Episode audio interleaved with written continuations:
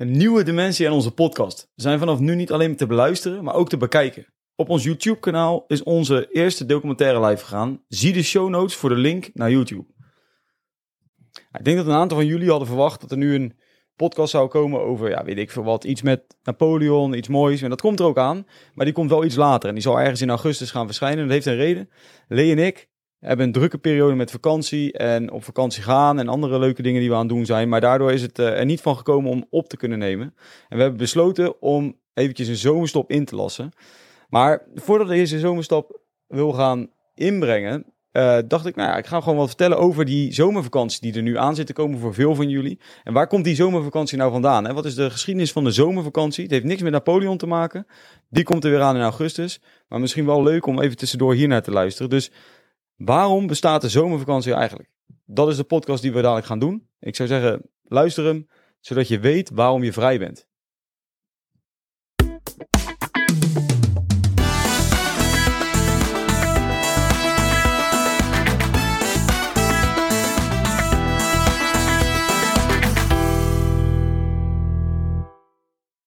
Alright, we beginnen met een mythe. En die mythe die heeft te maken met de oogst. De zomervakantie zou in eerste instantie zijn ontstaan omdat kinderen moeten helpen bij het oogsten in en op een boerderij. Um, nou, in andere perioden, en daarom is een mythe, in andere perioden waren kinderen ook heel hard nodig om bijvoorbeeld te zaaien in het voorjaar of in het najaar te helpen met alle geoogste dingen weer te brengen naar de markt en te verkopen. Uh, dus die mythe die, die klopt niet helemaal. Een aantal jaar geleden hebben historici hebben deze mythe dan opzij gelegd en laten zien dat dat niet helemaal klopt. Nou, er zijn een aantal redenen waarom die niet zou kloppen. Namelijk dat de oogstmaand augustus is en in heel veel landen begint de zomervakantie al veel eerder. De piek ligt dan in september en in heel veel landen zijn we in september juist weer naar school toe. Dus die, die dingen matchen niet heel erg. Uh, een leuk weetje vind ik hierin is dat uh, het woord oogst komt af, van ons woord oogst, komt af vanuit, uh, ja, van de maand augustus die we kennen. Omdat dus in augustus die oogst dan ook begint. Nou goed, dat klopt dan dus niet uh, dat het komt door dit oogsten. Maar waarom is die dan wel? In de 19e eeuw is die zomervakantie ingevoerd. Daar kom ik dadelijk nog een klein beetje op terug. Wanneer precies in die 19e eeuw, of van wanneer we in ieder geval weten dat die is ingevoerd. Hij is ingevoerd met het idee, met een aantal ideeën. En een van die ideeën was dat docenten en studenten rust nodig hadden. Daarnaast was het een mooi moment voor docenten om hun nieuwe schooljaar te voor te bereiden, thuisstudie te doen enzovoort. Dus het was eigenlijk niet de bedoeling dat docenten zes weken op het strand gingen liggen, maar ze zouden juist in deze periode wat moeten gaan doen. Daarnaast, en ik denk, kijk, nu hebben we natuurlijk airco en dat soort zaken in school, in, in, school, in veel scholen in ieder geval, waardoor het best wel te doen is in de zomer als we les zouden hebben. Maar in de 19e eeuw, toen deze zomervakantie werd ingevoerd, was het een drama om in warme lokalen te gaan zitten met elkaar. Ja, het was gewoon überhaupt niet lekker om daar te zijn met z'n allen. Maar er waren ook meer kans, was er, op epidemieën die op dat moment nog minder goed onder controle konden worden gebracht. Dus daarom is in veel warme landen de zomervakantie ook langer. Uh, landen als Italië, Iran, VS en Rusland bijvoorbeeld, zo zijn er veel meer, hebben zomervakanties die duren tot drie maanden. Waar landen waar de, het klimaat wat milder is, zoals bijvoorbeeld Nederland, wij hebben een zomervakantie die zes weken duurt. Dus je ziet daarom ook verschil tussen die lengte in de zomervakantie uh, van het ene land naar het andere land.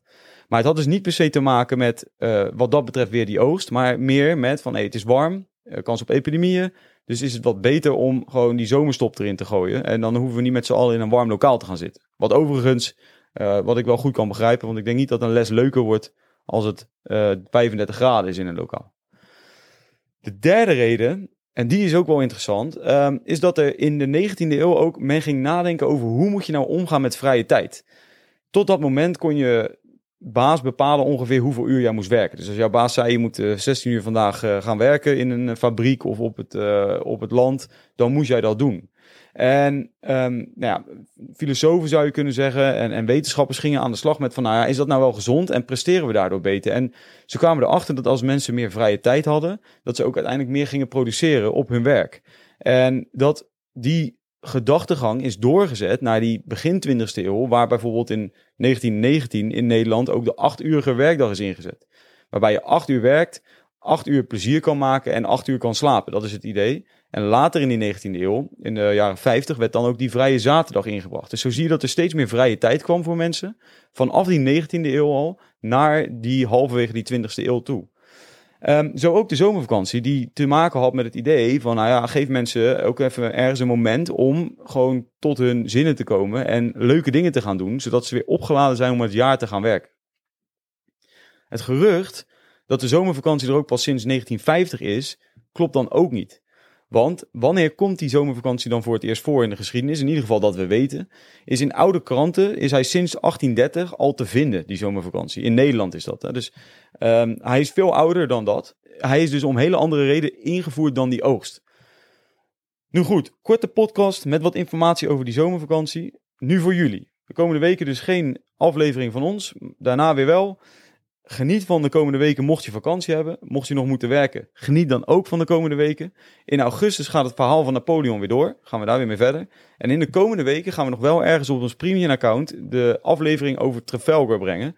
Dus uh, mocht je daar lid van zijn of lid van willen worden, dan heb je daar nog wel in uh, juli ergens wat uh, te verwachten. Dus voor nu, geniet van jullie zomer in ieder geval, of die nou vrij is of niet. Mocht je vrij zijn, onthoud dan waar die vandaan komt.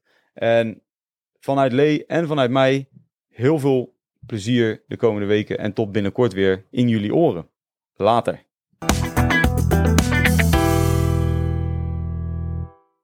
Als jij geïnteresseerd bent in het verbreden van jouw kennis over geschiedenis, of af en toe gewoon leuke discussies wilt lezen of voeren, dan is onze Facebookgroep misschien wel wat voor jou. In onze Facebookgroep delen we quizzen, kan je vragen stellen en vragen we jouw mening over de inhoud van onze podcast. Daarnaast staat het je vrij om er zelf ook kennis te delen of discussies te starten over onderwerpen binnen de 20ste eeuw. De link naar onze Facebookgroep is in de beschrijving van deze aflevering te vinden.